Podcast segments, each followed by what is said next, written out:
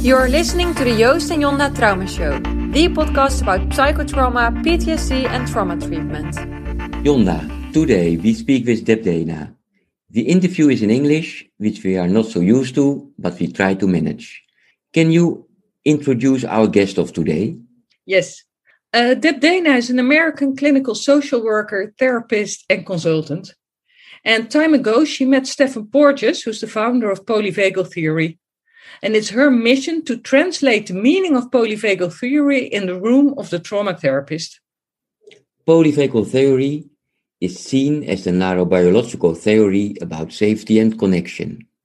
It explains how our nervous system deals with signals of safety and danger and in what ways this can be expressed. Our autonomic nervous system ensures that we can survive in times of danger and threat and ensures peace and social connection when it's safe. And we are able to feel intuitively if we are in danger or safe. Eh? Porges calls this neuroception. Yonda, I have a question. Mm-hmm. When you see a spider, what do you do? I hate spiders. Um, a spider. Well, I feel extremely endangered. I start screaming and I run away, I guess. I think Porges calls this activation of the sympathetic nerve. Do you know that many animals take themselves for dead when threatened by a perpetrator? This is activation of the dorsal nerve. In men, you see this as depression, dissociation, and total shutdown. But Joost, uh, when I feel safe and comfortable and nice when I'm talking to you, which part of the nervous system is activated then? That is the ventral part. This is the part which is responsible for social connection when feeling safe. Well, um, it sounds all complicated, but also fascinating. So uh, I hope that Dana can tell us more about this fascinating theory and how it relates to the treatment of PTSD. Can you explain for our listeners what is polyvagal theory? Sure. Yeah. So polyvagal theory is, was developed by Stephen Porges and it's a theory of how the autonomic nervous system works. Um, and if, if we think about it through three organizing principles, which is the way I like to, to talk about it, it's a theory that has uh, principles of hierarchy, neuroception, and co-regulation. And w- when we understand those three basic organizing principles, then we're good to, good to move into clinical application and polyvagal exercises and all that. So um, very briefly, neuroception is the way our nervous systems take in information. So rather than our brain, not, not the cognitive experience, but the embodied experience of taking in information. And that's happening micro moment to micro moment. Nervous systems are, are listening inside our body to what's going on in our heart, our lungs, our digestion, etc. And then it's listening out in the environment so for cues of, of safety or danger in the environment around us. And then finally, in this lovely space between nervous systems. So my nervous system and your nervous systems are talking to each other as our brains are talking. Our nervous systems are, are talking as well. And I think that's really lovely to, to, to know that that's going on, um, in every moment we're alive. And it also in the clinical world, um, brings a responsibility to therapists to understand what are the signals that I'm sending through my nervous system to clients? Am I sending a, a, regulating welcome or am I sending some cues of, of danger because perhaps I'm a bit anxious or I'm feeling a bit lost in where we're going. And so it, that's an important piece for therapists to, to understand that neuroception is, is happening. And we're speaking to our clients, even though I may be saying something that I want my client to understand if it's not coming from a regulated nervous system state, they're not going to take in that information. So that takes us to hierarchy, which is, you know, this, this way that we have these three states, the state of regulation, which is ventral, and then two survival states. We have sympathetic fight and flight and dorsal collapse shutdown. And the brilliance of Steve's theory is that it is a predictable hierarchy. So we're always moving between those states or within those states. And we do it in a predictable order. So, you know, I'm, I'm feeling very welcomed by both of your presences. And so I'm feeling anchored in my ventral. So we have this lovely back and forth going on, right? Um, and if I get a little anxious, if I get a little feeling a little endangered around this, my next step is going to be into sympathetic fight or flight. And then if that doesn't help me out, I'm going to end up in dorsal collapse, right? Because that is the order that the nervous system moves through. And then if I'm in dorsal, the thing that's really helpful around polyvagal theory, and it's really one of the reasons why trauma therapists have embraced polyvagal theory. When you move out of dorsal, you don't come immediately back to regulation. You have to go through some sympathetic, energizing, mobilizing moments in order to find the way back to ventral. So for trauma therapists, when our clients begin to become, come back to life, so to speak, is what I like to say. They, they, they've disappeared and they begin to come back. We need to, to really attend to that because it can, it can get messy when they begin to bring some energy back into the system, right? It can feel overwhelming to them. It can feel dangerous. They, they can have lots of ex- behaviors that, that are, um, self-harming or, um, create, um, suffering for themselves and the people around them. So that's when we really want to pay attention to help them use that energy to keep coming back to ventral where we can then, you know, reflect. When we're in ventral, we can be informed by our trauma stories right? We, we don't get hijacked by them. We can listen to them. We can understand them. We can work with them differently. But if we get pulled out of ventral into a survival state, then we are reliving that trauma story. So again, it's so important for trauma therapists to really help clients have enough ventral in their system and to be able to connect to our ventral as well so that they can safely work with the trauma. And that last piece takes us to the third organizing principle, co-regulation. It's my nervous system that is offering the safe co-regulating energy to my client, right? And for many clients, people are dangerous right? So I have to be careful in the ways I offer my regulation and I have to really keep offering it in a predictable way so that clients can test it right? They're not just going to simply feel it and go, oh, everything's safe and wonderful. Their, their nervous system is going to be hesitant, is going to have to learn to trust, is going to test my capacity to stay regulated. And that co-regulation is a biological imperative, meaning it's something we don't survive unless we have. And for many people, um, co-regulation with safe people is a missing experience. So part of our work as therapists is to bring that safe co-regulation alive. That that's the that therapeutic relationship that is so important. And now we know that it's it's based in our biology. I was really happy with you translating the theory of Stephen Porges to the clinical room because that was what I was missing in first. When I read Steve's first book, it was like, oh, this is brilliant. And now I want to do something with it. Right. And so that, that's the, that's always my curiosity. What do I do with this thing that I so understand and is brilliant? And I want everybody to know how do you then translate that into something that is, is useful. And, and so that's, that's the ongoing quest. You know, that was the first book, Polyvagal Theory and Therapy sort of brought basic mapping into the clinical room, which, which I think is, is still where we want to start. And then the second book, Polyvagal Exercises builds on that because what we know is a system doesn't reorganize in one therapy session a week, right? And, and clients leave our offices and they go back into the world and their habitual survival patterns just come back to life. And so I wanted to give people a way to continue the work outside of the therapy session. So that's, that's where the exercises came from because, you know, we, the nervous system's at the heart of our lived experience right? It doesn't just work when we're in a survival state. It's working every moment that we're alive. And, and to shape it, we want to be engaged with it and bring it into explicit awareness whenever we can. So,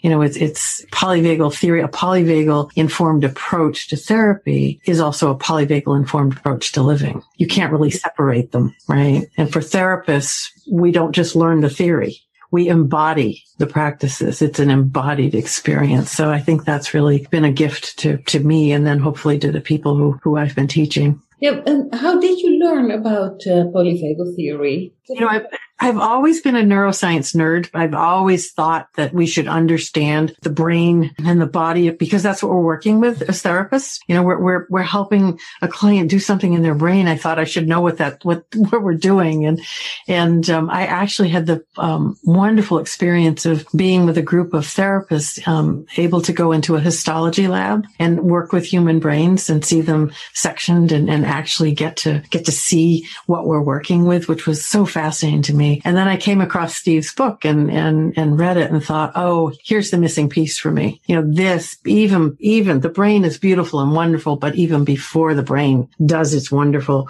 thing to help us move through the world, the nervous system is, is first you know, sending that information to the brain. So let's go to where everything originates. And that's really the nervous system. And so from there, it was, you know, reaching out to Steve. And I will say Steve is just a, a really, um, you know, brilliant and yet humble and, and friendly human being. And, and he said, of course I'll come. I would love to come. And, and, you know, yeah, it was oh, so beautiful. And our, our friendship began then and has just, you know, continued since. You're you're quite famous now, I think. How is how is it for you?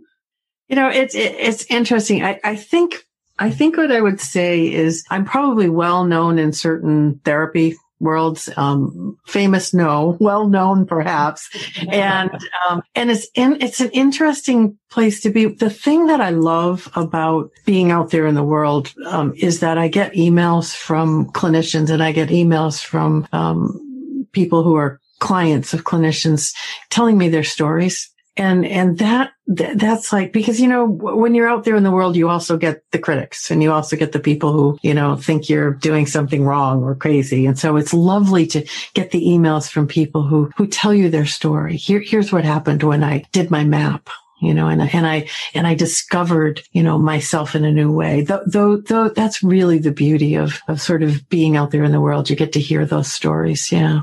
So polyvagal theory and, and ther- therapy changed also your life. Boy, did it ever, uh, you know, and, and continues to change my life. But, you know, Steve, um, we were, we had, he had come to teach and, um, he, I was at the trauma conference in Boston and he sat down next to me and he said, would you co-edit a book with me? And I said, of course. I had absolutely no idea what that process was. I had never done anything like that, but you say, yes, of course. And that really, you know, was beginning to change my life because then I started, you know, meeting people and, and my own book was, was published and it's an interesting journey to be on. And, you know, I think Steve and I both really um, believe that um, polyvagal theory has a, has a message um, for the world of therapy and beyond the world of therapy. And so if I can help bring that message to the world, then, then this is a great journey to be on. In the Netherlands now, uh, polyvagal theory is upcoming. Uh, it's not not that well known already, but it's really upcoming. But a lot of comments we get when we, we are enthusiastic about it, so we talk about it, and people say, well, is there enough body of evidence? How do you mm. look at that? Yeah, it's an interesting question and it's come up more recently, I think because polyvagal is being used in many more places. And so there's, there's this long standing ongoing, um, discussion, yeah, between, um, you know, Steve's theory and a couple of people who, you know, have sort of had these disagreements for a long period of time. And, you know, Steve is, is a couple of things. He's really clear that this is a theory and theories are meant to be um, challenged in the scientific and academic world. When you challenge a theory, you come up with an alternative hypothesis.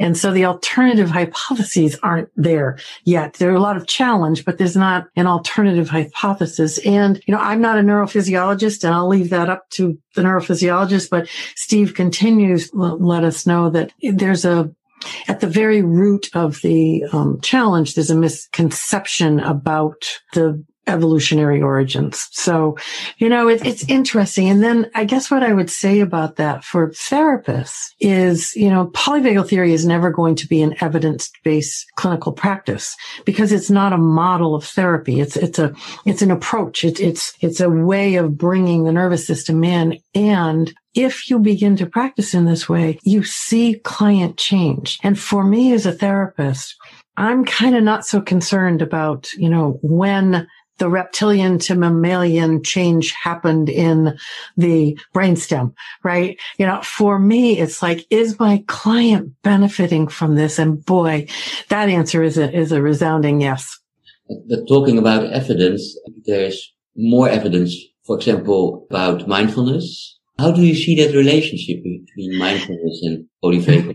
Yeah, there's a lovely body of evidence around mindfulness and they've done some beautiful research. And the thing that I would say about mindfulness, especially for those of us working with trauma survivors, is mindfulness can be a very difficult um, experience for trauma survivors because through the nervous system, what happens when we enter into a mindful moment is your nervous system begins to move out of sympathetic, which is where many trauma survivors live. And rather than coming to a ventral regulation, as we begin to slow down a little bit, we're often pulled into dorsal shutdown. So the, the question becomes, how do we slow down without shutting down? Right. And so when I work with mindfulness with clients, I talk about let's have a mindful moment, right? I, I don't introduce mindfulness practices until way, way down the road because the nervous system can't tolerate it.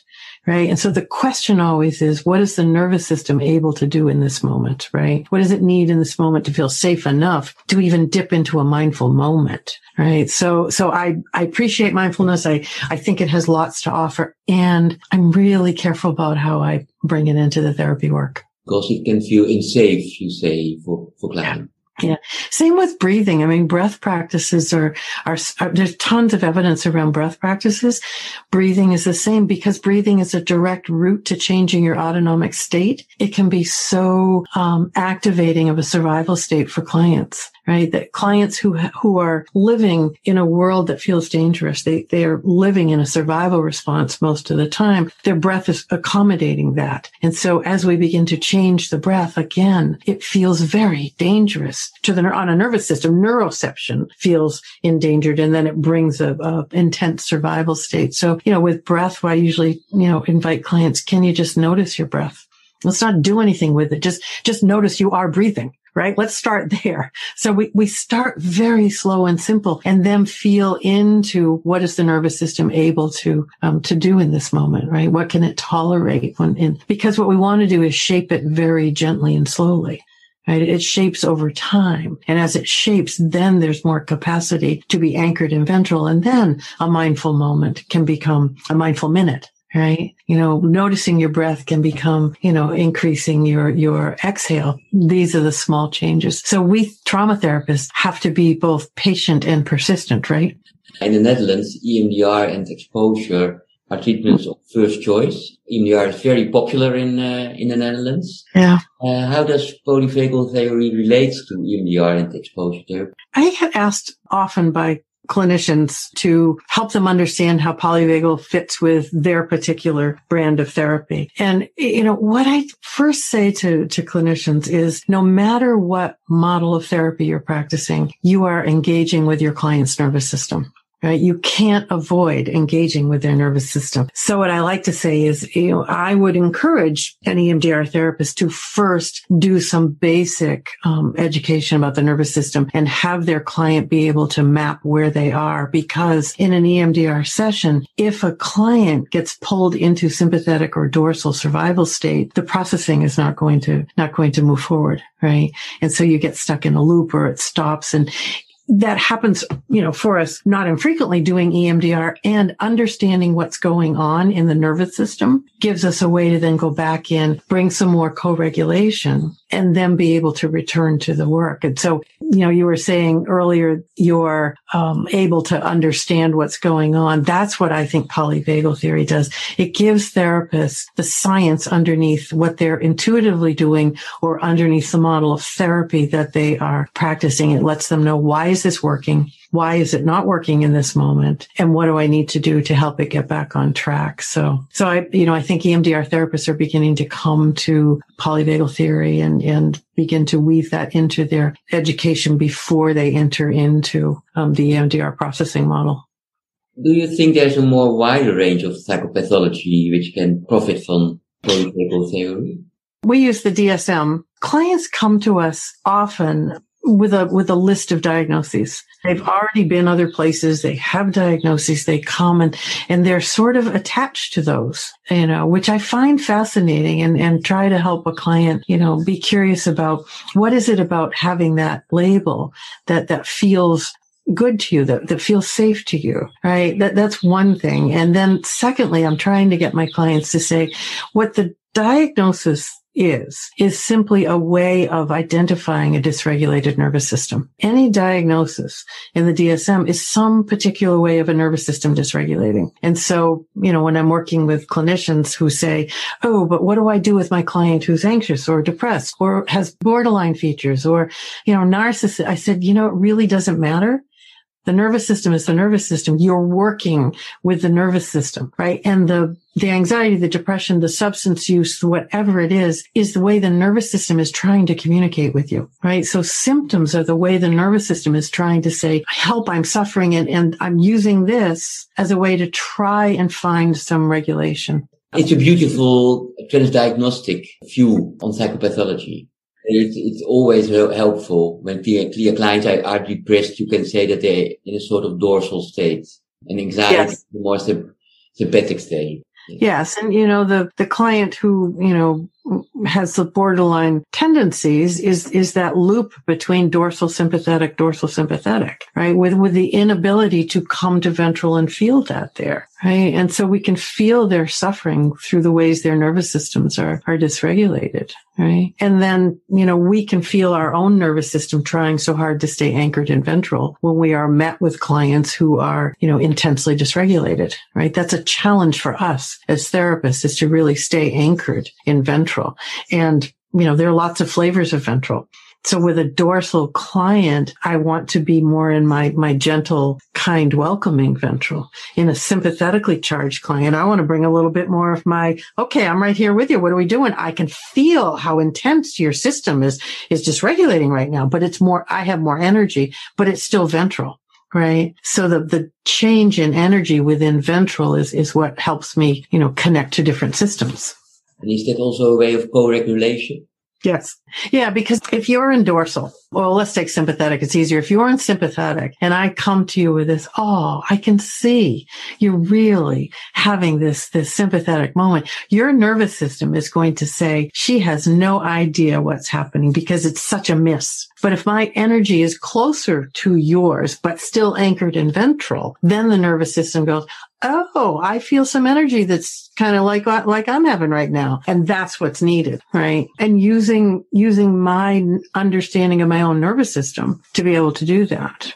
Right. Which also means, you know, as you were talking about this morning, means knowing when, when there's a rupture right? And then going back and making the repair. And for a polyvagal informed therapist, that means I'd go back the next week and, you know, there was this moment in our work when you know, I got pulled out of my ventral and I got a little too much sympathetic agenda drivenness going. And it feels like there was this moment of rupture, right? Just naming it is so helpful for clients, especially for trauma survivors, because they've been told, you know, what's happening isn't happening right? Don't feel what you're feeling. They, they're told to ignore what's coming from their inner wisdom. And so I find that with clients all the time that there are these m- mini ruptures and I'll say, Oh, did you notice I just got pulled away for a minute and now I'm back? And, and they'll say, thank you for saying that. I felt something, but I didn't know what to do with it. Right. It's a beautiful way to work. And it, it's a lovely use of self and transparency that also on, honors boundaries because I don't have to say what happened.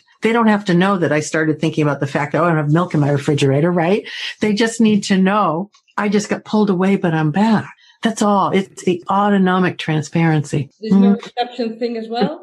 When you think about the future of trauma therapy, how see, do you see the role of polyvagal theory in it? Yeah, it's a, it's a Great question because I, you know, we have more and more interesting trauma processing models appearing, which is wonderful. I think the world is really, you know, beginning to explore in, in exciting ways. And, you know, my hope and, you know, working to see if we can make this happen. My hope would be that there's a basic understanding of the nervous system, of understanding of these three organizing principles and how they impact our daily living in all areas of life so that trauma therapy therapy would be no different than, you know, schools, medical systems, any, any kind of therapist, any kind of um, helping professional, business, anywhere that people are together, that it would simply be, here's the basic understanding that we all have. And then a trauma therapist will begin to understand how has um, my client's traumatic experience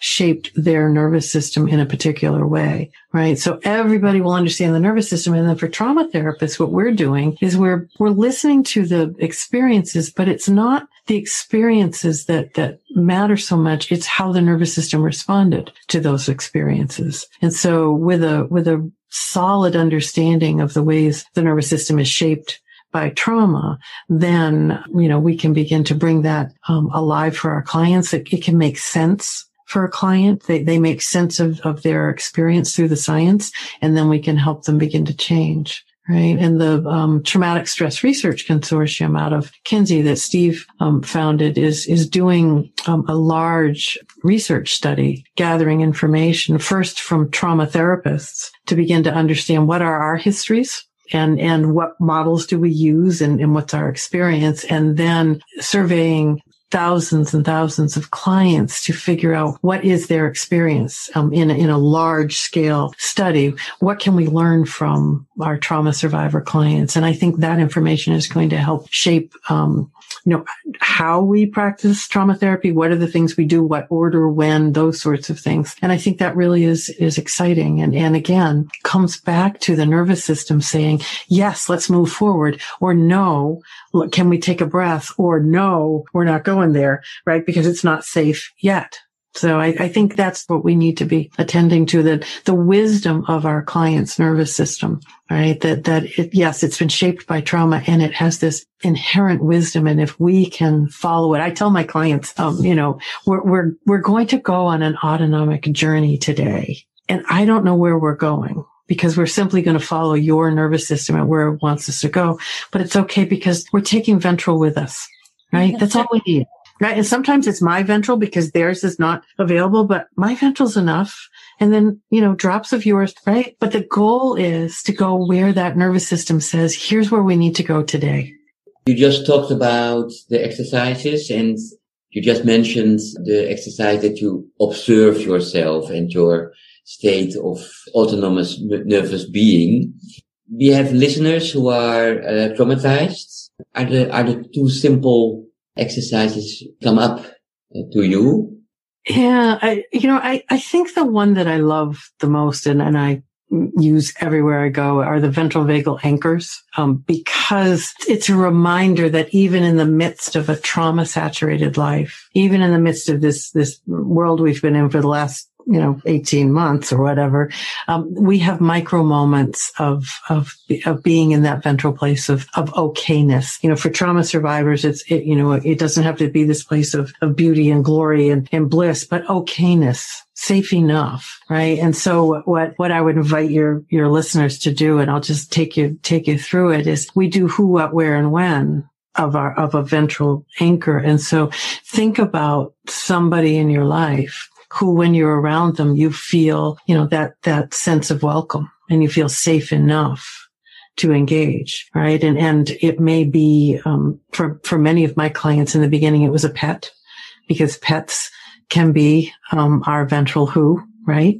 You know, for, for, um, many clients, the who in the beginning is their therapist. And that's wonderful right? Um, a who might be um, somebody you haven't met, but you have that experience when you see them. It could be an ancestor. It could be a spirit or a guide, right? Many ways to find a who, and you only need to find one, right? So find one who, and then we go to the um, to the what, and a what simply is either a small action you take that reg- that predictably helps you feel safe enough or an object that you can look at or hold on to that brings that alive. So what is either an action or an object? You know, I live by the beach. So for me, um, you know, holding a beach stone, I have beach stones all around.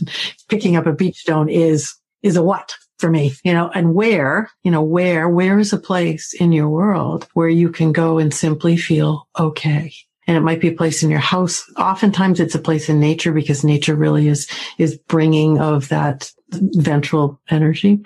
For me, again, the beach, right? And when I can't go to the beach, I remember being at the beach so I can bring it alive that way. And then when, when are the moments when you can predictably enter into a ventral vagal sense of safety. And uh, I'm an early morning person. So for me, before the world wakes up, right? Five in the morning, everybody's asleep and the cat and I are on the couch. I'm having my coffee and that's a beautiful ventral win for me. So, you know, you can look, look for those moments and, and write them down. That's the other thing I would say. Write them down, keep a list because you'll find more, right? And they may change, but it's a reminder that your nervous system has the capacity to both bring you these micro moments of ventral and be in dysregulation. And that I think is the beautiful lesson from the nervous system. It, it, we're not simply dysregulated all the time. We also have micro moments of, of ventral. So that would be what I would invite your listeners to, to play with, play with finding ventral vagal anchors. And then when you find some, find someone to share them with, to talk with, because that's that co-regulation again, right? Bring them to your therapist, bring them to a family member, a colleague, right? The two of you create yours and share them with each other because that makes it even more wonderful. Thank you very much, Dana, for the beautiful interview. Yes, thank you so much. Lovely to meet you. Have a great rest of your day. Thank you for listening to the Joost and Jonda Trauma Show in collaboration with Trauma Centrum Nederland.